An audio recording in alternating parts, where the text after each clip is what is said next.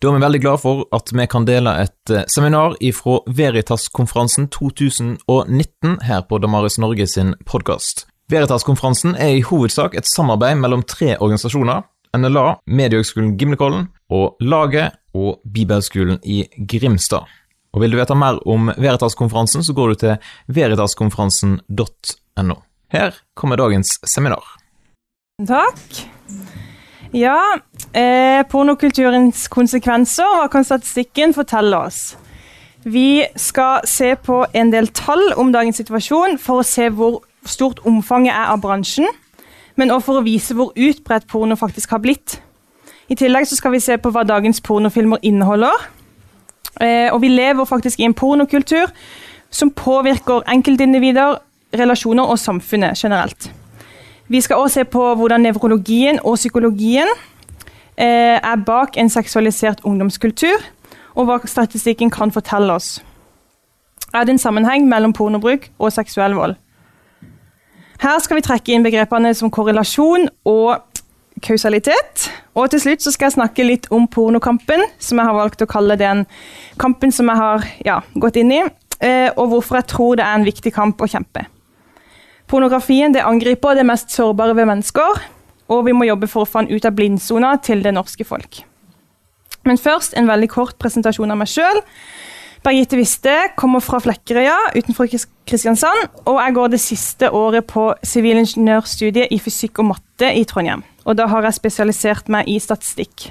Og For to år siden så deltok jeg på ta eh, Tankesmien Skaperkraft sitt lederutviklingsprogram i Oslo. Og da skrev vi et politisk notat med tittelen 'Pornografi folkehelsetrussel i blindsona'. Og i etterkant har jeg skrevet to kronikker i VG hvor jeg stiller spørsmålene 'Hvor mange gutter må gå på Viagra før vi tør å snakke om porno som et folkehelseproblem?'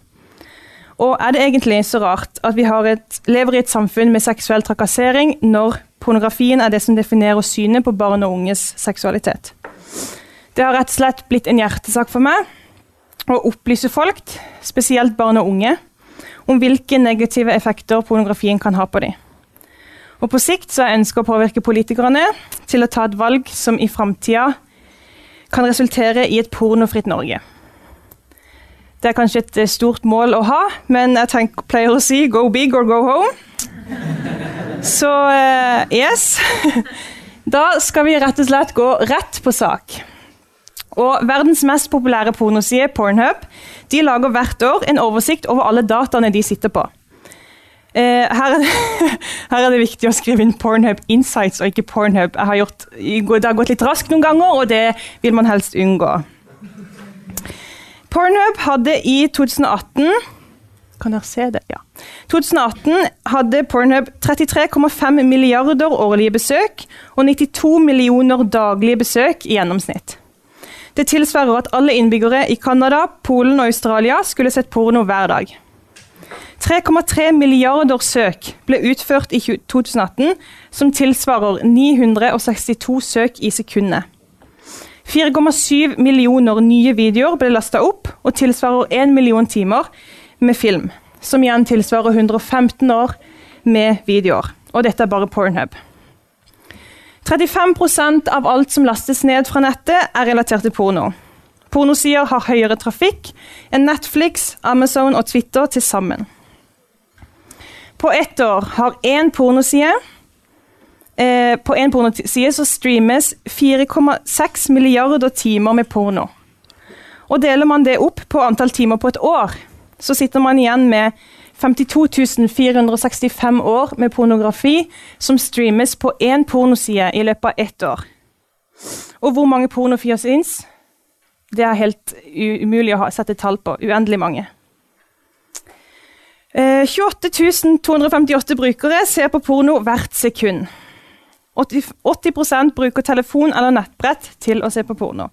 Det er altså noe som folk kan se på når som helst og hvor som helst.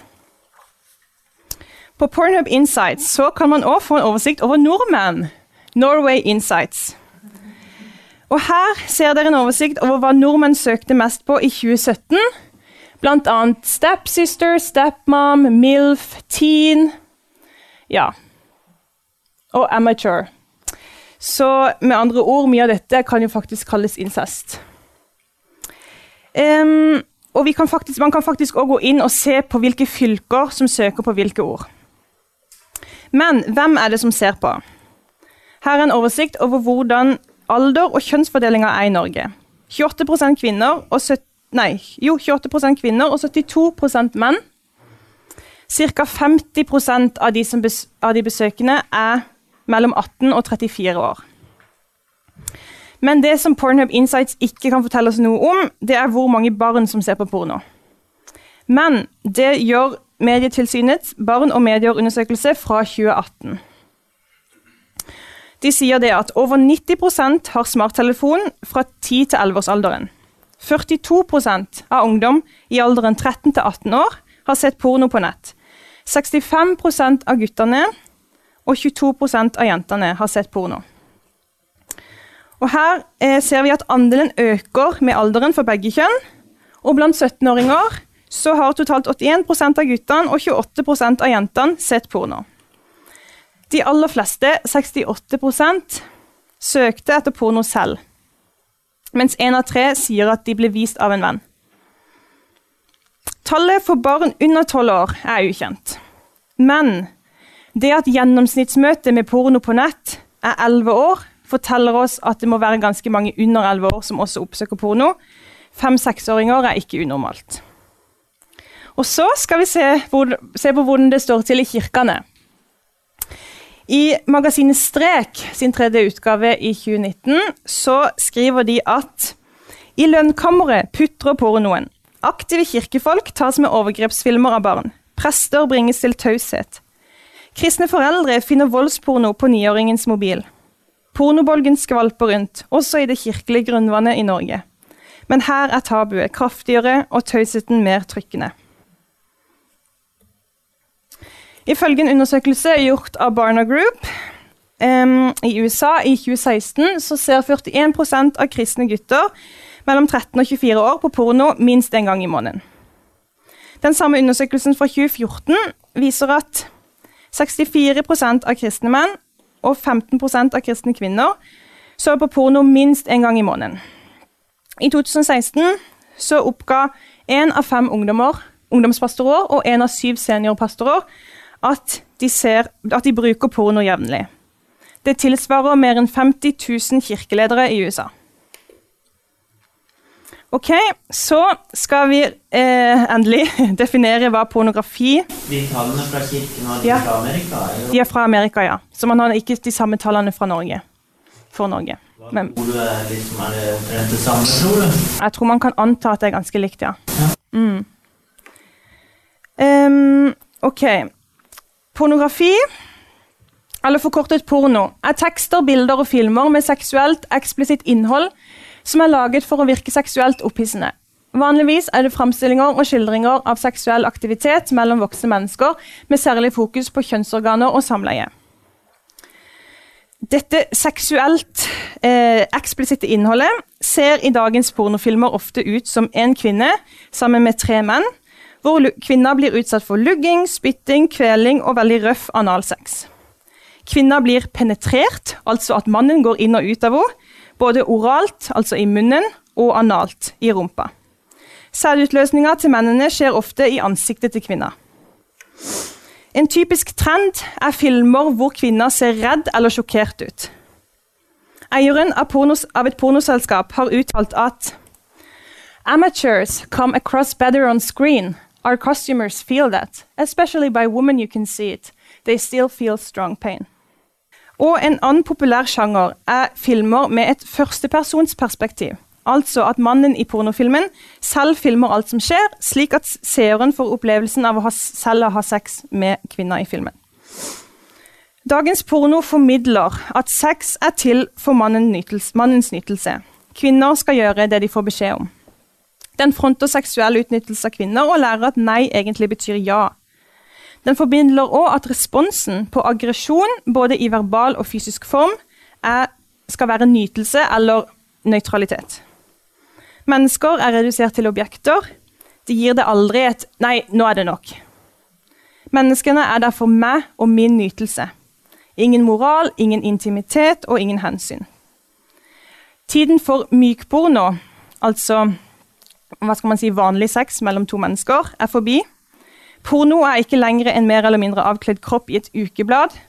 Hardporno er normalt, og ekstremt innhold er lett tilgjengelig. I tillegg så presenterer pornoen peniser som kan være stive gjennom hele akten uten pauser, og kvinnelige orgasmer som pågår unormalt lenge. Størrelsen på peniser, pupper og rumper representerer heller ikke normalen, men fremstiller den ideelle pornokroppen. Porno lærer oss rett og slett at sex det er skuespill. Resultatet av at andre kulturelle arenaer overtar pornografiens syn på seksualitet, er det vi kaller pornokultur. Ifølge Ane Stø, som er leder av Stopp pornokulturen. Hun peker på et mer seksualisert språk, eh, nettavisers bruk av nakenbilder for å få folk til å lese sakene, poledancing som idrettsgren for barn og hashtag metoo-kampanjen. NRK har tidligere skrevet om hvordan popkulturen lærer unge menn lærer unge at menn alltid vil ha sex. Og Per Arthur Andersen, også kalt Helsebror, forteller om hvordan unge menn opplever et stort sexpress. I tillegg så ser vi at unge jenter opererer seg nedentil fordi de tror at de er unormale. Vi lever i en pornokultur, og nyhetssak på nyhetssak bekrefter det. Fight the New Drug er en organisasjon som jobber for å opplyse om skadevirkningene ved pornobruk. De deler konsekvensene av pornokulturen inn i tre ulike områder brain, heart og world. Eller enkeltindivider, relasjoner og samfunn, som jeg kommer til å bruke. Så hva gjør porno med hjernen og enkeltindivider? Hva gjør porno med relasjoner, og hva gjør porno med samfunnet og den verden vi lever i? Pornografikonsumering eller pornobruk kan ha større konsekvenser enn mange er klar over. I det politiske notatet som jeg nevnte i starten, så skriver vi om hvordan barn og unges seksuelle helse påvirkes gjennom konsumering av porno. Eh, og Jeg kommer til å bruke litt av det nå, men det anbefales å lese det. For da man mer, eh, går man enda mer i dybden. Å konsumere pornografi kan potensielt føre til endringer i den fysiske hjernen. Å onanere samtidig med å se på porno fører til at det skilles ut dopamin i lystsenteret i hjernen som en del av hjernens belønningssystem.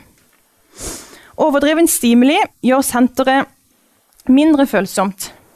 Konsumenten vil da på sikt ha, et konstant behov for dopamin i form av porno for å føle seg normal igjen, også kalt avhengighet.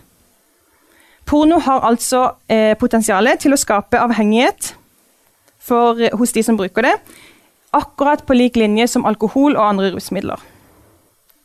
I verste fall kan det føre til pornoimpotens. Som i korte trekk betyr at ved å se på mye porno, for mye porno, så klarer du ikke å få opp penisen når du skal ha sex. NRK kunne i januar eh, 2018 fortelle at antall gutter mellom 15 og 19 år får resept på potensmidler. Eh, ja, den Antall gutter som får resept, har dobla seg de siste ti årene. Helsebror han trekker fram eh, hvordan det er forventa at guttene skal være dominerende og ha en ereksjon gjennom en 45 minutters lang akt. Kanskje det er derfor flere og flere gutter bruker Viagra, sier han. Og hvis du husker tilbake eh, til aller første gang du så nakne mennesker ha sex, enten på, i porno eller i en film, så vil du mest sannsynlig huske at din første tanke var æsj, eller litt sånn dette her skal ikke jeg se på. Men samtidig så er det en liten pirring som nettopp gjør at man ofte velger å se videre. Denne reaksjonen, både denne avsmaken og pirringa, vil etter hvert forsvinne når hjernen blir vant til å se seksuelle bilder. Som igjen gjør at for at hjernen skal kunne gi deg den samme effekten, så må det du ser på, bli drøyere. Veldig mange menn sier at de i utgangspunktet bare så på mykporno men at dette ikke ble pirrende nok, og at de derfor, måtte derfor se på drøyere og drøyere ting. Dette er ikke noe som forsvinner bare, når, bare fordi man kan ha sex. Hjernen er avhengig av porno, og porno er ikke sex. Hjernen er mer formbar og mer tilbøyelig til permanent forandring for barn og unge. Gary Wilson er forfatter av boka 'Your Brain on Porn' og har vært med på flere av studiene som er gjort rundt pornoavhengighet. Han sier at Today's young teens start on high-speed internet when their brains are at their peak of dopamine production and their neuroplasticity. This is also when they are most vulnerable to addiction. I tillegg til at det skilles ut dopamin under en orgasme, så vil stoffet oksytocin skilles ut fordi kroppen er klar til å forplikte seg til den personen som denne nytelsen var ment å deles med. Ikke bare knytte seg til personen der og da, men til å forbli knytta til personen over tid. Oksytocin er det stoffet som sendes ut bare i enorme mengder eh, under en fødsel, slik at mora får denne her trangen til å knytte seg til barnet. Men hva skjer da når oksytocin, skilles ut ved onanering? Du kan ikke knytte deg til deg selv, så du ender på en måte opp med å knytte deg til skjermen. Som igjen kan føre til at man får vanskeligheter for å knytte seg til virkelige mennesker. Noen forteller at det har ført til at de må se for seg scener fra pornofilmer for å i det hele tatt klare å ha sex med et virkelig menneske. Andre forteller at de sitter igjen med en tom følelse etter å ha onanert til porno. Pornobruk er også forbundet med ADHD, ensomhet, sosial angst, depresjon, prestasjonsangst og OCD, ifølge Gary Wilson. I tillegg til mindre glede av sex med virkelige mennesker, dårlig selvbilde og generelt mindre følsom, fordi ingenting kan jo egentlig sammenlignes med spenninga i porno.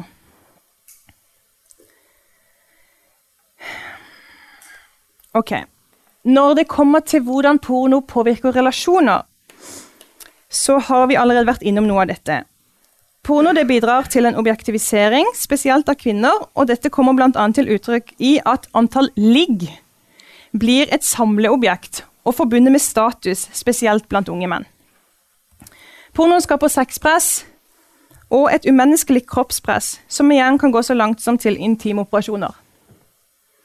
Porno gir urealistiske forventninger til sex fordi eh, sexen som blir framstilt i porno, handler om en teknisk prestasjon med fokus på min nytelse.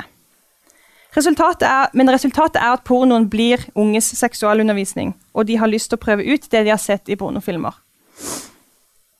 I tillegg er risikoen for skilsmisse dobbelt så høy hos ektepar der en eller begge parter har begynt å bruke porno. Den ødelegger altså ekteskap og bryter ned relasjoner. Og John og Julie Gottman er eh, eksperter på forhold og relasjoner. Um, og de sier at pornography poses a serious threat to couple intimacy and relationship harmony.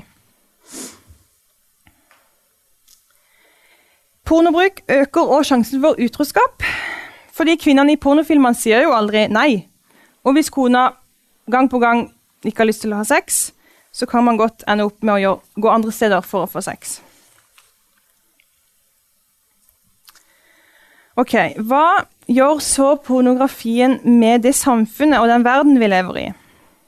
Jo, porno er drivkraften bak menneskehandel. Og Fight the New Drug de skriver Her er det en del tekst, men dere får henge med, prøve å henge med. Unfortunately, there are many in our society that are blind to the inseparable link between porn and sex trafficking. The porn industry is a sketchy industry to begin with but it takes a really dangerous turn when the porn involving sex trafficking victims is made and distributed. Countless women have been kidnapped, abused, drugged, threatened, and coerced into doing porn. This is, by definition, sex tra trafficking or slavery. But how does that tie back to the average viewer at home? The truth is, there is no way for them to tell if what they are watching was made illegally or if all parties are there, there willingly. And even if they are there willingly, performing on camera, were they coerced or threatened into agreement? For this reason, clicking porn directly fuels the demand for sex traffickers to make money by selling video of their sex slaves to porn sites. Det som selges mest av ulovlig i verden, er narkotika, våpen og mennesker. Menneskehandel er nummer tre på lista her, men vokser raskere enn de to andre. Gjennomsnittsalderen for å bli offer for menneskehandel knytta til prostitusjon er mellom 12 og 14 år. Halvparten av alle ofrene er barn, og fire av fem kvinner. Ofre er kvinner. Realiteten er at så lenge det fins en etterspørsel etter porno, så vil mennesker bli rekruttert til pornobransjen for å mette dette behovet. Og denne bransjen er helt umenneskelig og skadelig både fysisk og psykisk. Tidligere pornostjerner de sier det følgende om bransjen. Guys are punching you in the face. You get ripped. Your insides come out of you. It's never ending. You're viewed as an object, not as a human with a spirit. People do drugs because they can't deal with the way they're being, tre being treated. En annen sier Everyone forever can watch some of the most horrible things that has been done to me. Likevel så drømmer unge jenter om å bli pornostjerner, og går frivillig inn i bransjen. Dokumentaren 'Generasjon porno' på NRK gir et innblikk i hvordan hverdagen de ser ut. Og Den består av tre episoder, som jeg fakt, jeg anbefaler faktisk å se den. Fordi du, han gir på en måte mer kunnskap om bransjen, og ser litt problematisk på bransjen. Der kommer det òg frem at ønsket om å bli pornostjerner kanskje ikke hadde vokst fram hvis barndommen hadde vært litt annerledes. I dokumentaren kommer det òg fram hva de største pornoprodusentene tenker om det de holder på med. Han ene sier blant annet Nei, skal vi se. Han ene sier blant annet ehm, Hadde dattera mi sagt at hun ville inn i pornobransjen, hadde jeg hoppa foran et tog. Ja, det er hyklersk, siden jeg filmer andre døtre, andres døtre gjøre grusomme ting. Så hvorfor driver de med det? Både pornostjernene og eh, produsentene? Jo, fordi pornoindustrien er verdt 890 milliarder norske kroner. Så det er enorme summer å tjene. Men etter bare tre måneder i bransjen så begynner de unge, uerfarne pornostjernene å bli uinteressante. Fordi det er nettopp det pornoen gjør med oss. Det samme gamle blir kjedelig, og vi trenger noe nytt for å oppnå samme effekt. Noe som betyr at nok en ung, uerfaren jente må rekrutteres til bransjen. Verdien eh, til et menneske blir dermed noe som kan selges, kjøpes og så bare kastes i søppelet. Ok, det er jo litt heftige greier. eh, og her er det vi har snakka om til nå. Både hvordan det påvirker enkeltindivider, relasjoner og samfunnet. Ja, Generasjon porno heter han. Tre episoder på NRK.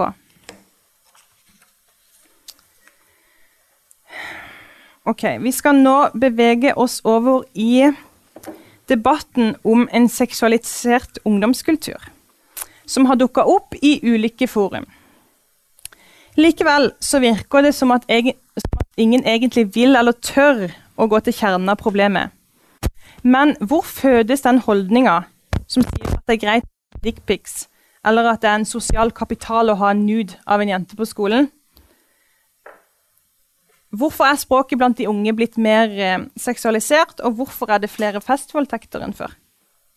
Jeg tror at dette er en direkte konsekvens av eh, pornokulturen. Vi har sett på hvordan pornoen skaper urealistiske forventninger til sex, men i tillegg så viser han veldig lite om hvordan man uttrykker egne ønsker eller setter grenser. Barneombudet kom i 2018 med en rapport basert på samtaler med 200 ungdommer om seksuelle krenkelser. De skriver nakenbilder å bli tatt på, ropt etter, utsatt for seksualiserte rykter og truet til ting de ikke ønsker, er en stor del av hverdagen for mange unge. Groping, slutshaming, catcalling og dickpics er, er en naturlig del av vokabularet deres. Noen pekte også på porno som en mulig årsak til krenkelser. Ikke minst fordi mye av pornoen ungdommene ser på, er virkelighetsfjern og brutal. Og grensene blir visket ut for hva som er greit. Ungdommene fortalte at alkohol, rus og porno flytter grenser. Konsekvensene som pornobruk kan ha på relasjoner og samfunnet, det er ille nok i seg sjøl. Men òg hvordan det virker inn på hjernen, slik som vi har sett på. Men det at han er bygga opp på en måte som også kan legge føringer for barn og unges holdninger og handlinger. Det er kanskje enda mer skremmende. Og en av de mest effektive læringsteoriene som vi kjenner til, er nettopp knytta til observasjon og modellering. Den kalles observational learning og er anerkjent innen psykologien. Det er den helt til høyre der. I tillegg er repetisjon er også et anerkjent pedagogisk virkemiddel for å få oss til å både huske og lære bedre. Legger du da følelser eller belønning, og kanskje en belønning som i form av en orgasme til, så lærer vi jo enda bedre av det vi ser. Barn og unge har gjennom smarttelefonen i sin egen lomme tilgang til all verdens pornografi på markedet. Og det er i en alder hvor hjernen er mye mer tilbøyelig til å bli eh, permanent endra. Kombinert med det vi nå vet om observational learning, så blir spørsmålet vil dagens generasjon med barn og unge i større grad enn tidligere utføre handlinger av verbal og fysisk aggressiv seksuell karakter. Nyhetsbildet og de eh, rapportene som jeg har nevnt nå, de sier ja. Og politioverbetjent Kari Jannelid er bekymra for mer ekstrem sex blant ungdommer, samt deling av film og bilder av at man har sex. Hun uttaler at hun i økende grad har begynt å lure på om det handler om at porno har blitt så tilgjengelig, og at mange blir eksponert for porno allerede når de er åtte til ni år gamle. Hun ser koblinger mellom saker anmeldt for voldtekt og såkalt pornosex. Politietterforsker Erik Husby Sæter kan også vitne om at stadig flere overgrepssaker er inspirert av porno. Han sier i en typisk sak så forklarer en jente i slutten av tenårene at en gutt har vært veldig røff med henne, at hun har sagt nei, oppfatter han bare som et spill. Eh, Laila Søndrol i Kripos uttalte til Afteposten i fjor. Det hører med til bildet at dopaminkicket i en orgasme er flere ganger sterkere hos tenåringer enn hos voksne. I dag begynner mange å konsumere porno for alvor når de er 13-15 år. Den seksuelle debuten skjer i gjennomsnitt mange år senere. Altså rekker pornoen å sette dype spor i forventningene de tar med seg inn i det voksne samlivet. Er det rart at det kan gå galt når en 19 år gammel gutt vil debutere seksuelt på en fest? Det kan ende i voldtekt nærmest av ren misforståelse, om du skjønner. Det hører med til bildet at antall anmeldte seksualforbrytelser har økt kraftig de siste årene. Økningen er spesielt stor når det gjelder seksuell omgang med barn mellom 14 og 16 år, og seksuelle handlinger med barn under 16 år. Der er økningen eksplosiv. 67% sier hun. Magasinet Strek eh, sin tredje utgave, som vi snakka om tidligere, den skriver at politiaksjonene Darkroom i, på Vestlandet og Duck i Trøndelag fra 2015 utover resulterte resultert i at rundt 90 personer alle menn er sikta, tiltalt eller dømt for besittelse av enorme mengder av overgrepsbilder og filmer av barn. Helt ned i nyfødt alder. 50 av mennene er fedre eller stefedre og bodde sammen med egne barn eller stebarn da de ble pågrepet. 14 av de rundt 90 er sikta eller dømt for fysiske overgrep i tillegg til å ha delt overgrepsbilder. Og til politiets overraskelse er mange av de unge voksne menn mellom 20 og 40 år, de fleste i jobb eller studier. Og uten noen form for ruskarriere. Eh, mange av de som er tatt i Darkroom-saken, har ifølge Aftenposten sagt at det begynte med vanlig porno, og et sig inn i en spiral av stadig grovere materiale, følelsesmessig avstumpning og sug etter kraftige sjokkeffekter, til man en dag våknet av vraket fra politifolk som stormet boligen. Politimesteren i Trøndelag han sier vi holder på å bli kvalt av overgrepssaker. I stor grad nettbasert med barn og unge. Gjerne i kombinasjon med overgrep i det virkelige liv. Bestilling av overgrep på nettet, fysiske overgrep mot barn og unge og voldtekter har også økt ganske mye. Det er en stor forandring. Men hva kan egentlig statistikken fortelle oss om forskninga som er gjort på dette temaet? Um, Et overblikk over resultatene fra 22 studier i syv land, gjort av Paul J. Wright og med flere, de konkluderer med at pornobruk har en korrelasjon, eller sammenheng, med en økt sannsynlighet for å utøve seksuell vold. Og sammenhengen var sterkere for verbal enn fysisk seksuell vold. Men begge sammenhengene var positive og signifikante. Som betyr at øker, man, altså øker den ene, så vil den andre òg øke. Sånn som i dette eksempelet. Helt tilfeldig eksempel. Men her ser man at ok, har den ene tvillingen eh, høy IQ, så har den andre tvillingen òg det. Det vil si at det er en positiv, eh, positiv eh, korrelasjon mellom de to. I statistikken så, eh, ja, så snakker vi ofte om eh, korrelasjon og kausalitet. Fordi korrelasjonen den forteller om det fins en sammenheng mellom de to. Men han forteller ikke hvilken retning denne virkninga går. Eller om det faktisk bare er en tredje faktor som påvirker begge to. Um, ja. Så hva påvirker hva?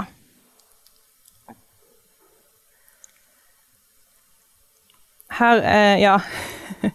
Dette er jo et typisk eh, eksempel på hvordan det kan tolkes feil. Her ser man at å ja, salget, salget øker eh, og har en sammenheng med at eh, alle her, eh, eller at mange av oss har shava hodene våre, ok, da må, vi, da må faktisk alle bare skeive seg fordi det øker salg. Det er en typisk måte, og Det er jo et veldig dårlig eksempel, men det brukes veldig mye faktisk i medier til å si sjokolade er kjempesunt. Så er det sånn, ok, Hva er faktoren som faktisk ligger bak? Jeg skulle ønske det var sant, da, men uh, Og man kan faktisk det er helt, nå går jeg utenfor mannsarmen, det er noe som heter p-hacking. Kjempeutbredt. Som gjør at du kan bare tvike litt på resultatene dine, og så kan du egentlig bare vise akkurat det du vil vise. Så Sånn sett er jo statistikk veldig praktisk, men det var ikke sånn det var ment å brukes. Um, ja, så Det som da blir spørsmålet inn mot um, pornografien, er det om er det personer som i utgangspunktet har en voldelig seksuell atferd, som i større grad oppsøker voldelig porno, eller porno da generelt. Eller er det faktisk slik at økt bruk av porno øker sannsynligheten for å utøve seksuell vold? Ja. Um, kausalitet sier noe om dette. Det betyr årsakssammenheng. Men pga. at dette ikke kan sies sikkert, så blir et resultat som uh, denne her rapporten ikke akseptert av veldig mange.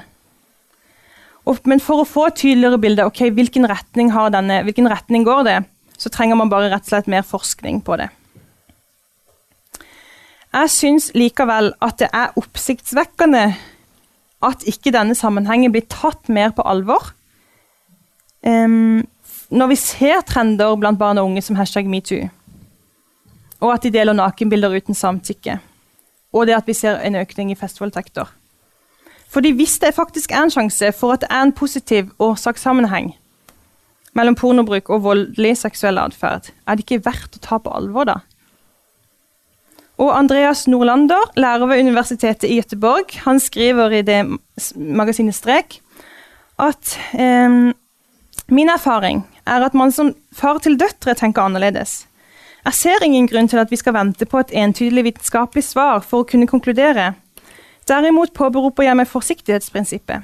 Det holder at det finnes en mistanke om en kobling mellom porno og kvinnevold, og den generelle objektiviseringen av kvinner.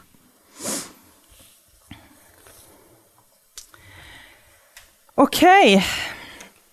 Vi kan nå legge til at pornokulturen bidrar til en seksualisert ungdomskultur, hvor grenser for hva som er greit, viskes ut. Pornobruk er mest sannsynlig knyttet til større risiko for å utøve seksuell vold, og jeg tror at det er grunnen til at vi ser så mange festvoldtekter blant dagens ungdom. Eh, Dr. Marianne Laden hun sier følgende If pornography made us healthy, we would be healthy by now. Som ofte er motargumentet da, i denne debatten. Eh, og gjennom et intervju som jeg har gjort med Marit Louise Grønvik, som jobber på et samtalesenter rett utenfor Trondheim, så kom det fram det at flere og flere, både voksne og unge, søker, søker hjelp for pornoavhengighet. og for å takle de negative effektene som porno har i relasjoner. En tidligere pornoavhengig sier det på denne måten. Porno forsvinner ikke når, du slutte, ikke når du slutter med det. Det sitter fast i hjernen. Jeg kaller porno den andre kvinnen i rommet. Fight a New Drug sier To love someone is to focus. Porn takes that focus away. Men hvorfor er pornoen så utbredt? Åsa Molin, lærer ved Ørebro teologiske høgskole, skriver i strek at den uttalte eller uuttalte erkjennelsen av at det må finnes noe mer. Det fråtseriet av porno og utseendebekreftelse som vi bevitner rundt oss, må vi se for det det er en menneskehet underernært på kjærlighet. Jeg tror at hun har helt rett. Jeg tror at alle mennesker de leter etter en form for frihet. Og mange tror at det ser ut som at jeg må få lov til å gjøre hva jeg vil, når jeg vil. Pornografien gir denne formen for frihet, men angriper samtidig kjernen av den friheten som jeg tror at Gud skapte oss til å leve i, sårbare og intime relasjoner med andre mennesker. Seksualiteten vår driver som mennesker og er sterkt knytta til identiteten vår. Nettopp derfor angriper pornografien også hjerter og selvbilder, og bryter ned enkeltmennesker og verdien deres. I tillegg ødelegger den det aller fineste og mest sårbare som fins mellom mennesker, nemlig sex. Det er i bunn og grunn hvorfor jeg har valgt å engasjere meg i denne pornokampen. Fordi jeg tror at alle mennesker, at alle mennesker er uendelig verdifulle og har en uforanderlig egenverdi som verken kan kjøpes eller selges. Jeg tror at mennesker blir skapt for å være elska og for å elske hverandre. I tillegg tror jeg at sex aldri var ment å være en prestasjon, men noe sårbart, og på den måten også noe veldig vakkert. Dette er altså motivasjonen min bak. Men hvordan går man fram for å faktisk kjempe denne kampen? Og jeg tror at jeg må starte med å opplyse folk om konsekvensene av pornobruk. Ja, det kan til en viss grad begrense tilgangen og gjøre porno ulovlig, eller å innføre et sånt pornofilter med 18-årsgrense, som de har gjort i Storbritannia. Men mennesker vil alltid finne veien rundt slike restriksjoner. Kan man derimot endre holdninga til folk, eh, den holdninga de har til porno, ved å opplyse dem om hva som kan være farlig med det, og utruste foreldre til å gi barna sine et moralsk kompass i møte med porno, så tror jeg at vi kan komme lengre. Det gir ikke mening å fortelle barna at de skal holde seg under porno, uten å fortelle dem hvorfor de skal gjøre det. Hva er skadelig med det? Problemet fortsetter å være der så lenge folk sitter og tenker at det som skjer, er helt greit. En god start er å begynne å snakke om det i hjemmet, i vennegjengen og på skolen. Pornografien må ut av blindsonen til det norske folk. Og i det her politiske notatet som jeg har nevnt noen ganger nå, så skriver vi eh, så skriver vi mer om ulike forslag til tiltak som kan gjøres. I tillegg så skriver vi eh, om foreldrenes rolle, og, og, hvordan man kan ta denne pornopraten i hjemmet, eh, og om grensesetting. I tillegg så har Alexis Lund sammen med Chris eh, Duve vet aldri hvordan jeg skal si dette navnet, Duve, gitt ut en bok som heter 'Klikk her, Thomas' i 2017, med fokus på hvordan hjelpe barn i møte med pornografi på nettet. I slutten av boka så kommer de med flere konkrete tips, bl.a. hvor lett det er å aktivere 'sikkert søk' på Google, så, sånn at barna ikke får opp blinke til pornosider dersom de skriver inn et uskyldig søkeord som 'tiss'. Det, det burde faktisk dere å ha på Google. Sikkert søk, kjempeenkelt å skru på. Videre så tenker jeg at det blir viktig å påvirke det offentlige Norge til å ta et aktivt standpunkt til om porno og seksuell trakassering skal være akseptert som en del av barn og unges hverdag. Det innebærer hvordan oppfølging og tilrettelegging skjer i barnehager, eh, skoler, helsevesen og generelt en forbedring av seksualitetsundervisninga. Og jeg sier ikke feil, det heter seksualitetsundervisning og ikke seksualundervisning. Må bare påpeke det. Selv om det høres litt rart ut. Elever i norsk skole etterlyser bedre seksualitetsundervisning. Eh, og I en spørreundersøkelse fra Norstat som de har gjort for NRK, så svarer 44% at de er misfornøyde eller svært misfornøyde med seksualitetsundervisninga på skolen. Her har vi altså veldig mye å gå på. Det er òg behov for mer forskning på hvordan porno påvirker barn og unge. Sist, men ikke minst, så er det behov for tilbud hvor både barn, unge og voksne kan få hjelp til å komme seg ut av pornoavhengighet.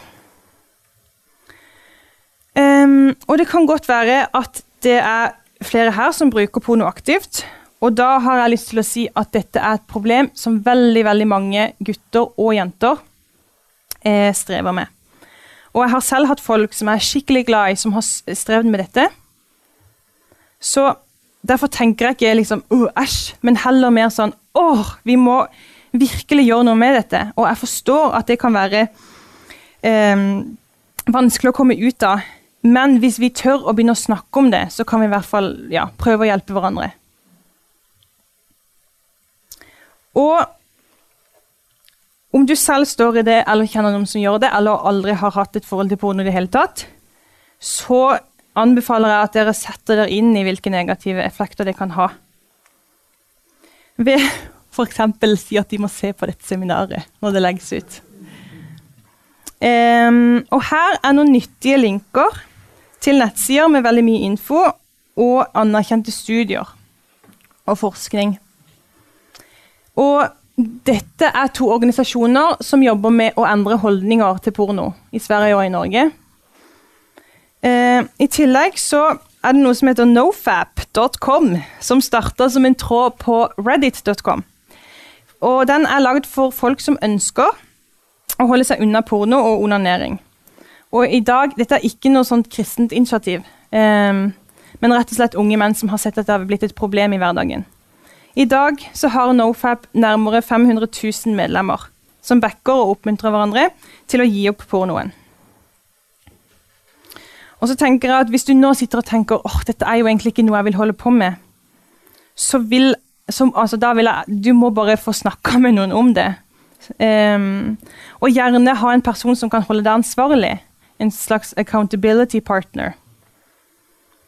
Hvis du er i et forhold eller er gift, så vil jeg ikke anbefale at det er ektefellen din eller kjæresten din. For det er en veldig tøff, eh, tøff situasjon å stå i.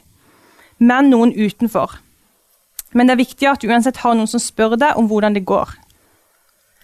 Og Da kan jeg også anbefale at dere bruker denne xxxchurch.com, som er en kirke i USA som jobber med folk som er avhengige og vil ut av det.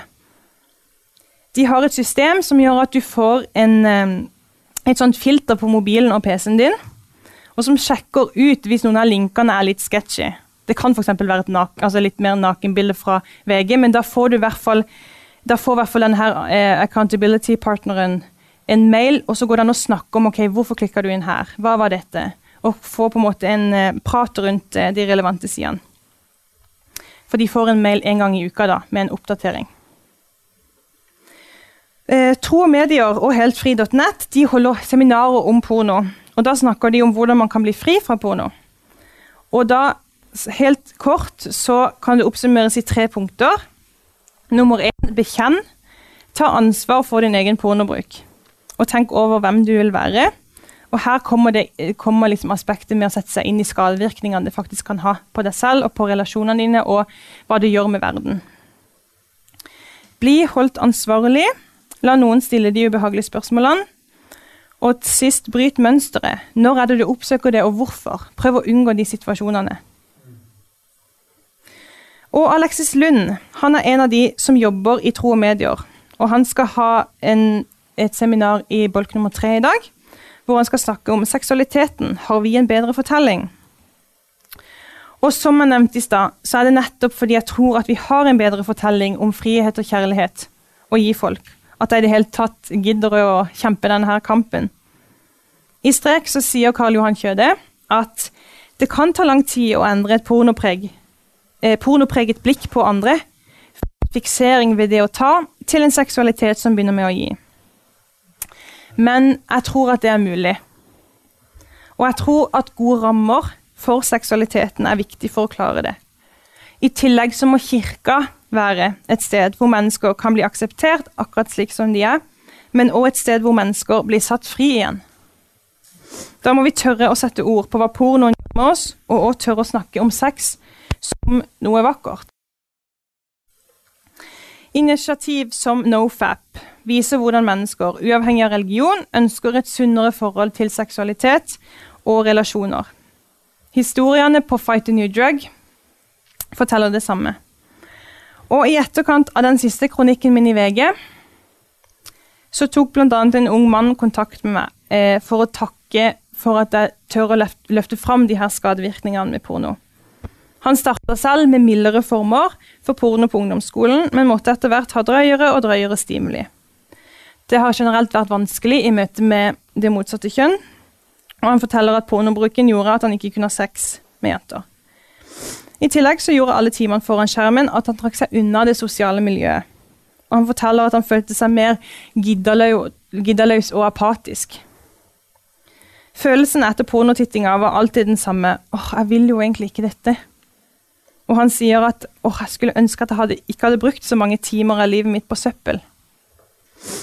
Han har meldt seg inn i NoFap og forteller at det er fint å vite at åh, ok, jeg er i hvert fall ikke alene. De gangene han holder seg unna porno over lengre tid, så er det en stor forskjell i hvordan han opplever seg sjøl, og eh, hvordan selvtilliten er. Den er veldig mye bedre. Han er også klar over hvilke situasjoner som gjør at han er mer sårbar for å oppsøke porno, og prøver derfor å unngå disse.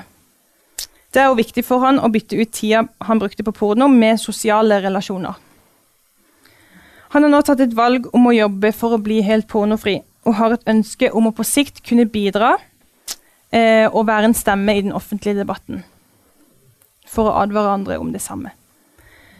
Og det er nettopp som gjør at det er verdt å kjempe denne hashtag pornokampen.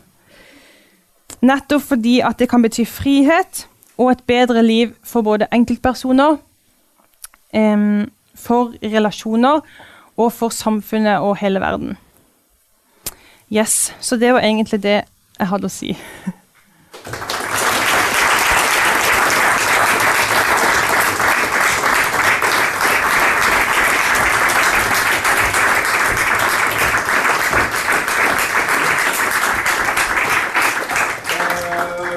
Tusen hjertelig takk. Veldig flott. Eh, Før vi runder av, eh, så kunne vi, hvis det er noen spørsmål, så kan vi ta en liten runde med det.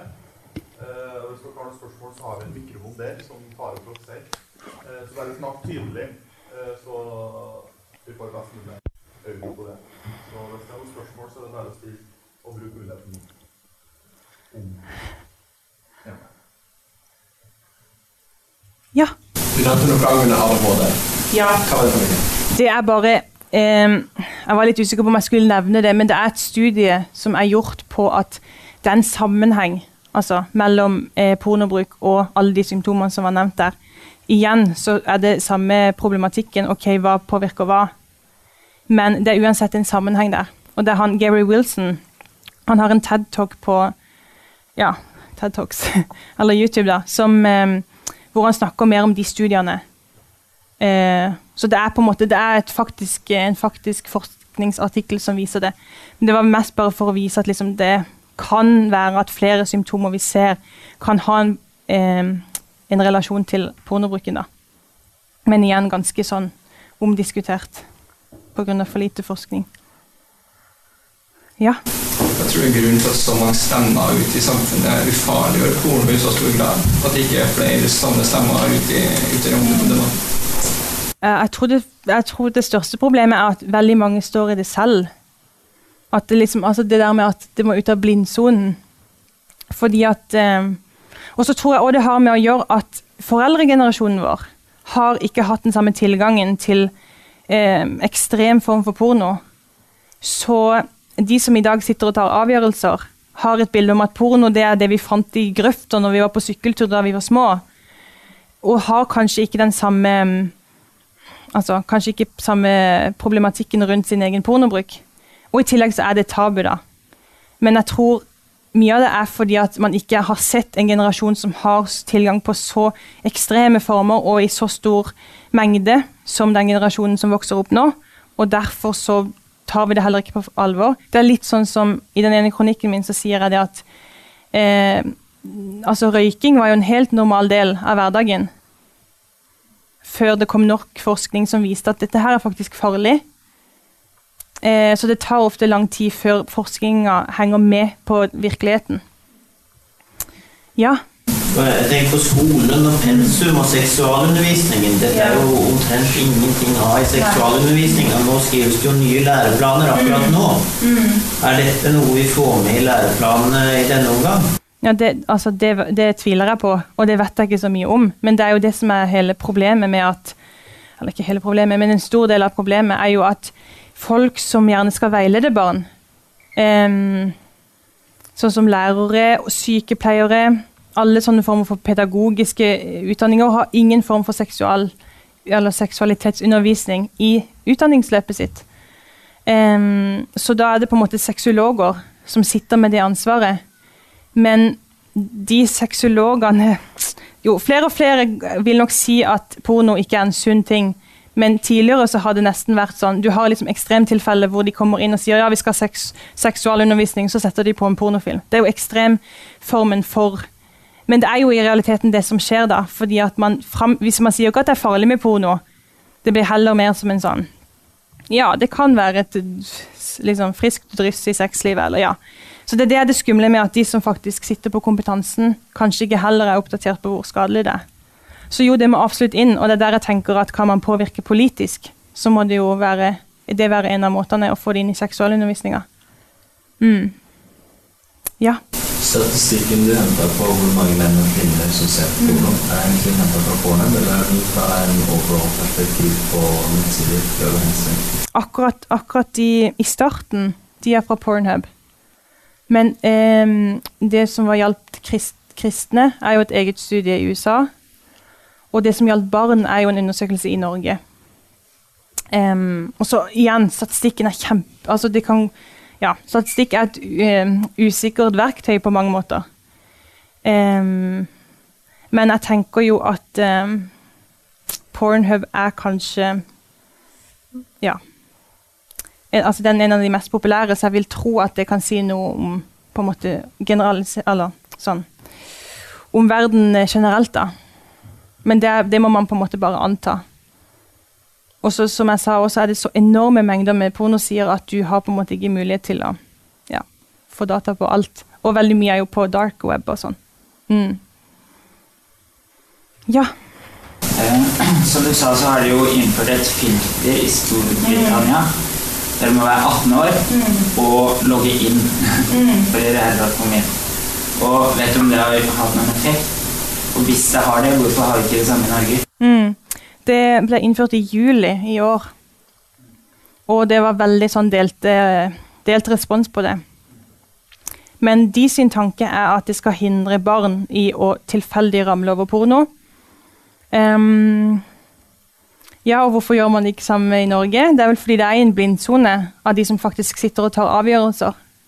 Og i tillegg, Men det som er noe positivt oppi dette, er jo at de har satt sammen et sånt eh, Hva heter det?